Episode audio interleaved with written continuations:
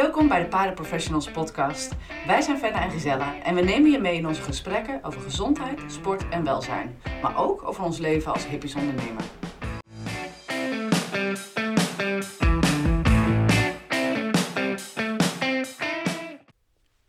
Fenna, vandaag een, eh, nou, ook wel weer een interessante podcast, hoop ik. En eh, de prachtige titel voor deze podcast komt uit jouw eh, hoge hoed. Ehm, hij heet namelijk Verdwaald in het bos van specialisten. Ehm, dat zou ook zomaar de titel van een mooi sprookje kunnen zijn, maar Ja. dat is het niet. Maar hoe ben jij zo op dit onderwerp en deze titel gekomen? Ja, eigenlijk door de afgelopen tien jaar eh, ervaring en het observeren van mensen, dat, ik, dat ik heel erg de struggle bij paardeigenaren zie.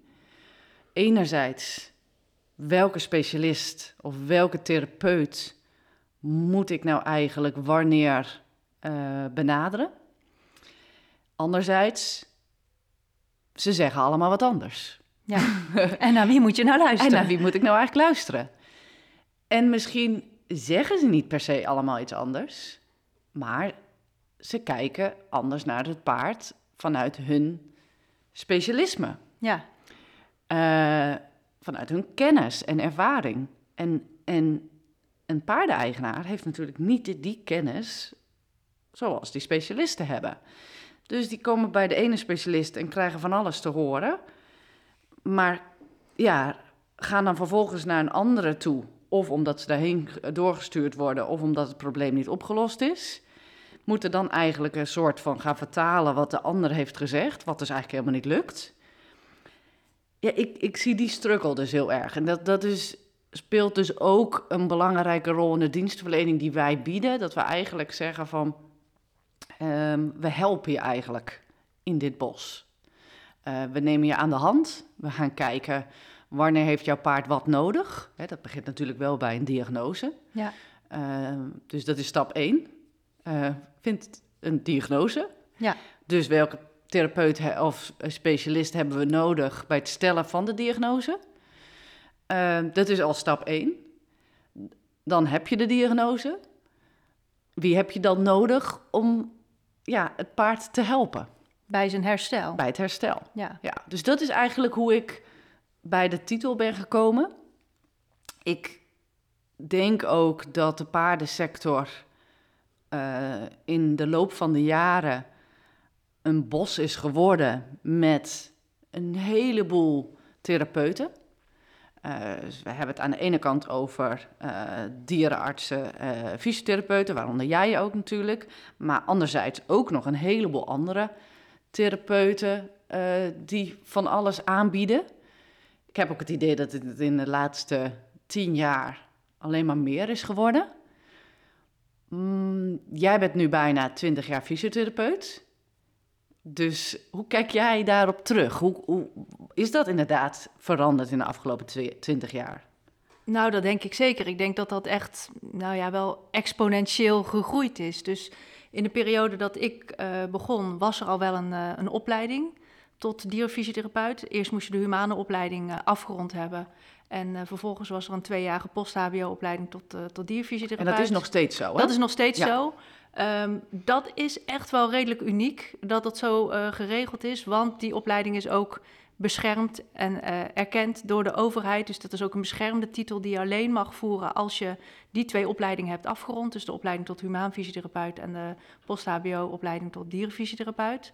Eh, dus dat vind ik wel heel erg mooi ook aan ons vak, dat dat destijds door een paar hele gedreven pioniers eh, op is gezet en dat dat tot op de dag van vandaag eh, nog zo is. Ja. Dat is hartstikke mooi. Eh, in die tijd was het zo dat het helemaal niet gebruikelijk was om naast nou ja, je dierenarts die een keer kwam vaccineren en eh, die je opriep als er koliek was of als het paard kreupel was, dat er dan ook nog andere dienstverleners bij een paard kwamen. Ehm, dat gebeurde al wel, maar lang niet op zo'n grote schaal als dat dat nu gebeurt. Ehm, dus, en er waren ook veel minder aanbieders. En de aanbieders die er waren, nou, daar, zal ook wel verschil in gezeten hebben. Eh, maar er was toen maar een handjevol dierfysiotherapeuten die dat vak fulltime beoefenden. Ehm, inmiddels is dat wel heel erg veranderd. En eh, zie je dat er uh, een enorme ontwikkeling plaats heeft gevonden in die hele paardensector. Qua kennis, qua behandelmogelijkheden, qua diagnostische mogelijkheden. En dat is enerzijds natuurlijk ontzettend waardevol, want daarmee kunnen we paarden veel beter helpen. Maar ik zie inderdaad ook, net zoals jij, dat het voor een paardeneigenaar ontzettend lastig is om de juiste mensen bij het paard te krijgen. En eigenlijk een heel goed team om zich heen te verzamelen uh, van mensen die dat paard uiteindelijk verder kunnen helpen. Uh, dus nou ja, die, die uitdaging die, uh, die zie ik ook eigenlijk wel voor iedere paardeneigenaar. Um, maar jij hebt hier inmiddels wel een heel team van specialisten. Um, hoe heb jij dan die selectie gemaakt? Waar let jij op op het moment dat je zegt van nou, dit zijn de mensen met wie ik graag wil werken om die paarden verder te helpen? Ja, nou, ik vind inderdaad, uh, de dierenarts en de fysiotherapeut is, zijn hele belangrijke specialisten in het welzijn van het paard. In het management van het paard en de revalidatie van het paard. Um, en Hoefsmit natuurlijk ook. Ja. Als ik één ding geleerd heb in de afgelopen tien jaar, is dat er uh, ook nog andere dienstverleners, therapeuten zijn die het paard heel goed kunnen helpen. Ja. Denk aan een homeopaat, aan een osteopaat. Um, het lastige daarvan is, hoe vind je een goede? Want dan komen we in de wereld van de opleidingen. Nou, je hebt zelf een opleidingsinstituut. Ja. Uh, biedt onder andere ook de opleiding aan voor sportmasseur voor paarden, die ik zelf gevolgd heb. Um, maar het is niet de enige opleiding die aangeboden wordt. En de kwaliteit van de uh, opleidingen kunnen ook nog wel verschillen. Dus de mensen die die opleidingen gedaan hebben, daarin verschilt ook de kwaliteit. Ja. Dus wat ik eigenlijk in de jaren dat ik nu mijn bedrijf heb, eh, kom ik mensen tegen. Uh, ik, ik wil eerst altijd zelf met ze werken. En op het moment als ik. Dus dat gaat eigenlijk best wel een beetje. Uh, rustig. Hè? Het is niet iemand komt bij mij en die heeft een soort van sollicitatie. Ja, die krijg ik ook wel. Maar ik wil ervaring opdoen met diegene. En ja. dan, wanneer ik iemand in iemand geloof, om, dan wil ik ermee gaan werken. Want het probleem is, nou, dat is eigenlijk geen probleem, alleen het lastige is dat de, de, de mensen die ik verbind aan mijn bedrijf, ik zeg bijvoorbeeld tegen de eigenaar: Oké, ik, ik denk dat jouw paard nagekeken moet worden door die en die persoon. Daarmee zeg ik dus eigenlijk, die en die persoon is goed. Ja. Daar moet ik dus ook 100% achter staan. Ja. Ik moet diegene 100% kunnen vertrouwen. Daarmee zeg ik niet dat, mensen, dat die mensen perfect zijn en 100% elk probleem oplossen, want het is een puzzel. Dus zo zie ik het ook altijd. Ieder doet datgene waar zij goed in zijn. Ja. Mijn doel is altijd, laat iedereen vooral op zijn eigen stoel zitten en laat ze daar zo goed mogelijk hun werk doen. Ja. Want dan komen de beste resultaten. Uh, maar bijvoorbeeld een, een homeopathisch dierenarts, waar ik eigenlijk al sinds 2007 mee werk. Uh, dat is echt niet dat ik die bij alle paarden haal, maar er zijn zeker uh, casussen waarvan ik zeg, nou heb ik jou nodig. Uh, en dat vind ik interessant. Alleen ik weet ook weer dat er een hoop homeopaten zijn die niet lang, bij lange na niet de kennis hebben die zij heeft. Ja. Zij is dierenarts, heeft zich daarna volledig uh, gespecialiseerd op homeopathie. Nou, ik hoef niet verder daarop in te gaan. Maar ik vind het dus wel heel belangrijk dat iemand echt een gedegen opleidingen heeft gedaan, zich echt heeft ontwikkeld daarin en zich door blijft ontwikkelen en open staat voor samenwerking. Ja. Want als je niet open staat voor samenwerking en je zegt dus eigenlijk van, uh, nou, ik ben Pietje en ik weet alles. En uh, de diergeneeskunde, daar geloof ik niet in. Fysiotherapie geloof ik niet in. Ja, dat, dat werkt niet bij mij. Uh, tegelijkertijd verwacht ik van de dierenarts en de fysio, met wie ik samenwerk, dat zij ook openstaan voor andere dingen. Hè, dus het gaat een beetje heen en weer. Ja dan kom je wel tot de beste resultaten. Maar we nemen dus eigenlijk de, de, de eigenaren aan de hand en zeggen van oké, okay, we helpen jou om te kijken wat jouw paard nodig heeft.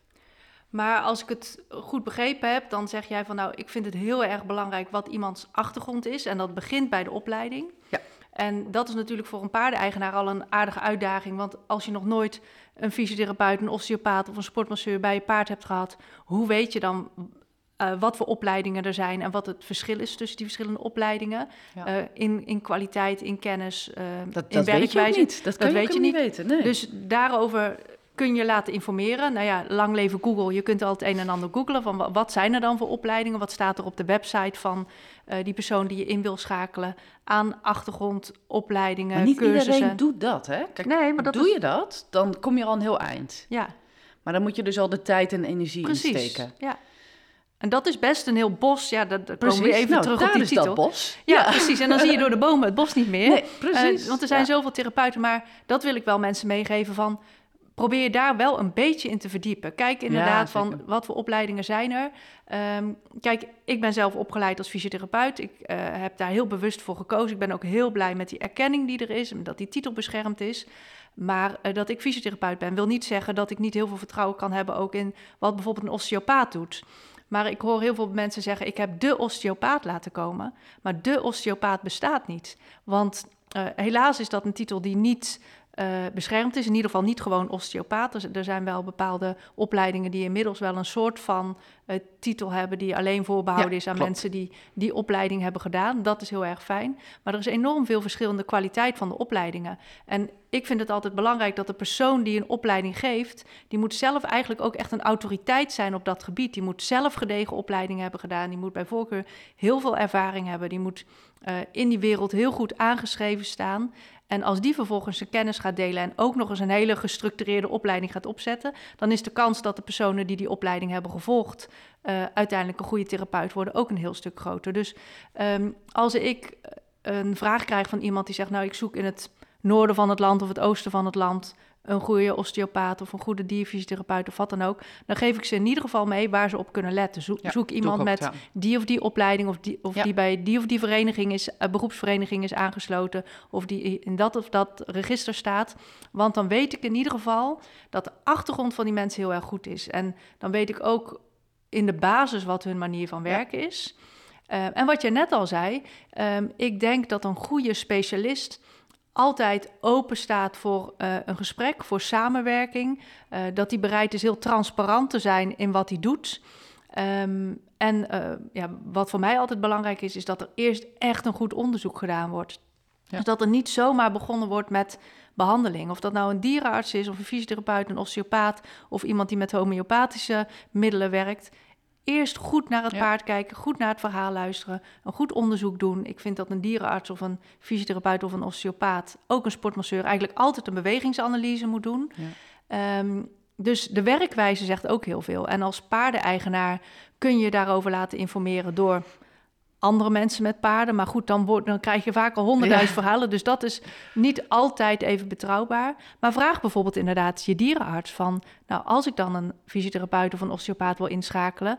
eh, wie zouden jullie dan aanbevelen? Of met wie werken jullie samen? Dus je dierenarts kan denk ik een hele mooie basis zijn... om uiteindelijk je hele team samen te stellen... En eh, nou ja, jullie doen dat hier op het revalidatiecentrum natuurlijk ook. Jullie Ja. nemen mensen mee in het maken van keuzes ehm, als het gaat om het samenstellen van een team om zo'n paard gezond te houden. Ja, en dat, dat gaat soms voorbij de diergeneeskunde inderdaad. Ja. Terwijl dat wel de basis is. Ja, Ehm, binnen de diergeneeskunde eh, heb je natuurlijk eh, allerlei specialisten, net zoals je dat in de humane geneeskunde hebt. Ehm, je hebt de basisartsen en je hebt de specialisten. ja. Op de klinieken eh, heb je vaak eh, diverse specialisten eh, zitten, zowel voor de interne geneeskunde ehm, als hals- en rugproblematiek, als orthopedie.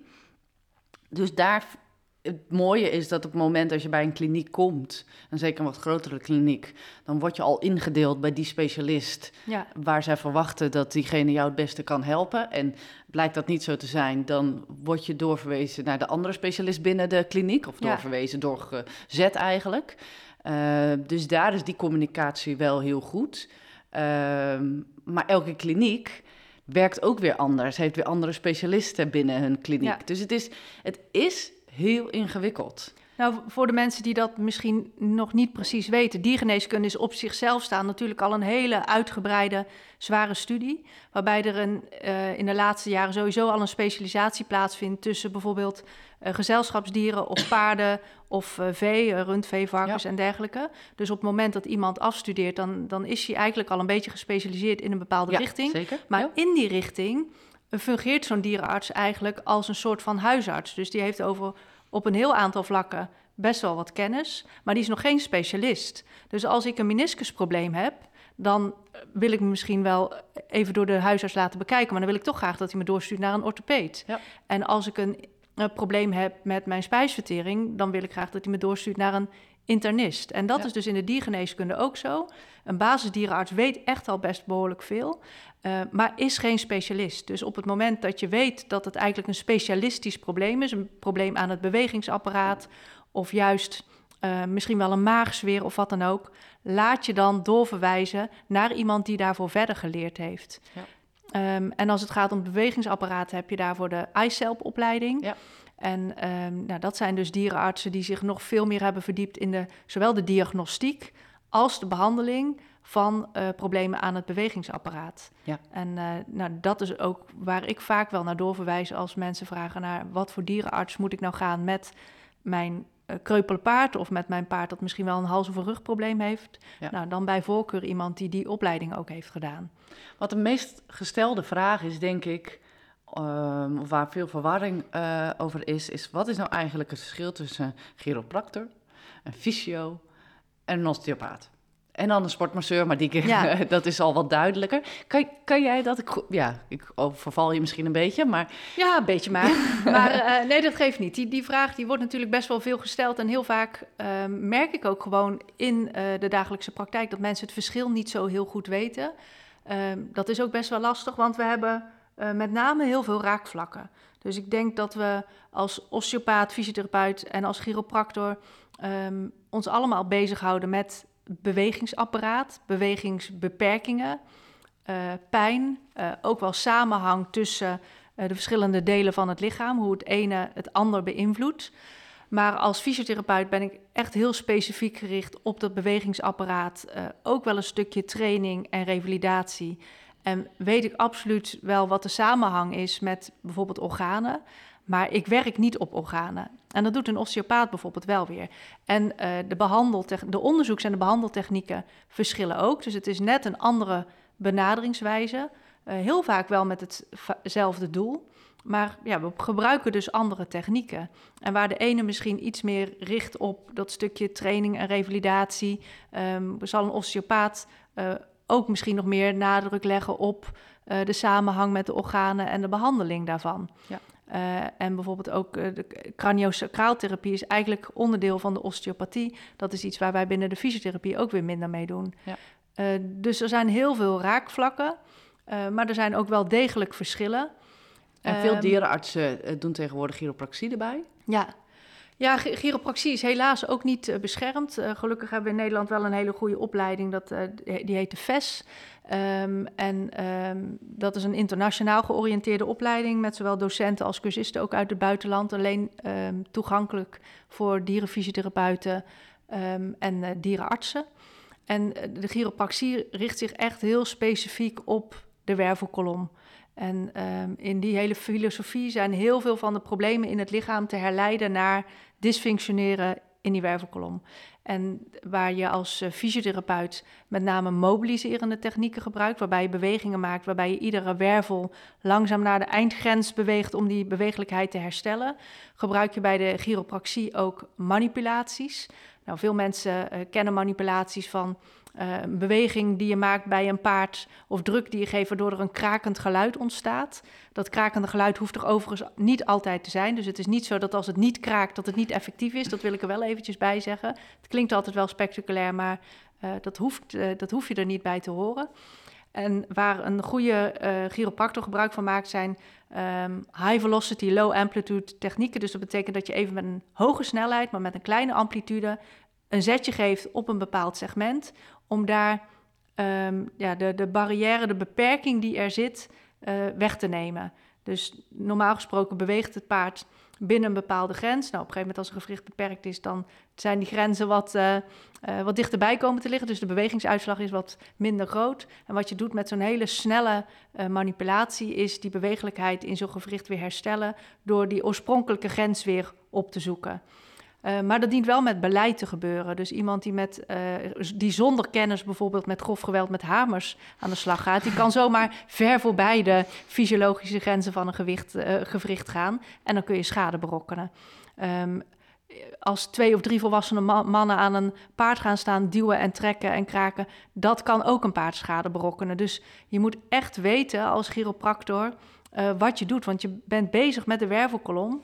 Um, en dat zijn niet alleen botten en gewrichten, maar dat, dat, daar loopt ook het ruggenmerg. Daar treden de zenuwen uit. Dus op het mo moment dat daar iets misgaat, dan komt het paard niet ten goede. Dus ja. ook daarbij is het wel weer heel erg belangrijk om uh, selectief te zijn in uh, wie je met je paard laat werken. En als ik kan kijken naar de spieren, dan is een fysio ook wel heel erg met spieren bezig. Ja. Uh, en dat heeft weer raakvlakken met de sportmassage. Precies. Uh, waar de sportmassage zich natuurlijk vooral met spieren bezighoudt. Ja. Uh, uh, dan heb je nog dry needling, uh, taping, wat natuurlijk veelvuldig voorkomt bij diverse dienstverleners. Ja. Um, hoe kijk je daar tegenaan? Het zijn allemaal hele waardevolle aanvullingen. Overigens, dat, dat wat je net over spieren zei, dat is natuurlijk uh, dat is onderdeel van het bewegingsapparaat en absoluut iets waar een uh, fysiotherapeut, een dierfysiotherapeut ook uh, veel aandacht aan zal besteden. naast de wervelkolom en de andere ja. gewrichten van het, van het paardenlichaam. Um, en daarnaast is er nog de fysische therapie. Dat ook humaan is dat een beetje een golfbeweging. De fysische therapie zijn de eventuele apparaten die je ook toepast. Vroeger was er bijvoorbeeld veel ultrageluid. Tegenwoordig is bijvoorbeeld laser iets wat wel meer toegepast wordt. Elektrotherapie wordt ook wel toegepast. Maar ook bijvoorbeeld dry needling en taping. Uh, ik heb zelf ook de cursus dry needling gedaan zonder echte verwachtingen eigenlijk. Ik was meer heel nieuwsgierig naar wat dat nou deed en uh, waar dat op gebaseerd was. En ik wil me blijven ontwikkelen, dus ik denk, nou, ik wil daar toch meer over weten. En het effect daarvan kan echt heel ja. erg mooi zijn. Echt ja. direct kun je zoveel verlichting hebben qua um, pijn en um, normaliseren van de spierspanning. Dus dat is wel iets heel moois. Overigens is het wel zo dat door de wet, uh, voor de wet voorbehouden is aan dierenartsen. En tegenwoordig gelukkig ook die fysiotherapeuten. Uh, het wordt ook wel door anderen toegepast. En ik wil niet zeggen dat anderen dat niet kunnen doen.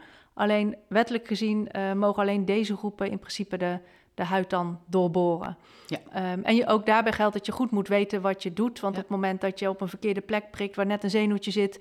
of uh, je zou ook niet een long willen perforeren... dan kun je natuurlijk uh, nee. grote problemen Dus dat is wel goed wat je zegt. Hè? Ja. Dus, dat, uh, dat, dat, dus als er een therapeut of een dienstverlener is die daar needling doet... maar diegene is niet dierenarts of fysiotherapeut dan is dat in principe bij wet niet toegestaan. Nee, en ik wil echt niet zeggen dat, dat andere groepen met, he, met gedegen anatomische kennis dat niet veilig zouden kunnen doen, maar dat is nu eventjes hoe het ja. geregeld is. Uh, taping uh, wordt ook meer en meer toegepast, kan ook hele goede resultaten opleveren.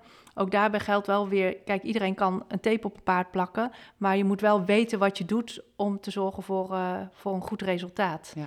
Dus ja, dat is eigenlijk ook wel een beetje de rode lijn in het verhaal. Van wat is iemands achtergrond? Heeft die persoon zich uh, daarin verdiept? Um, nou ja, wij, wij, bieden ook al sinds 2009 een opleiding tot sportmasseur voor paarden aan.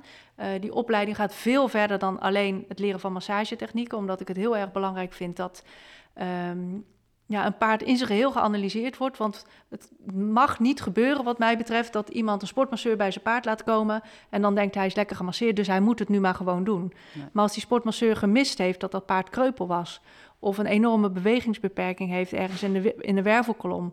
Of dat uh, bijvoorbeeld het zadel heel beroerd past. dan is het dweilen met de kraan open. of zelfs gewoon heel sneu voor zo'n paard dat zijn eigenaar denkt hij moet het nu maar doen. Nou, dat vind ik wel mooi dat je dat zegt, hè? want ik, ik uh, ben jouw opleiding gaan volgen. Ja. En ik was een beetje sceptisch over het woord massage. Mm -hmm.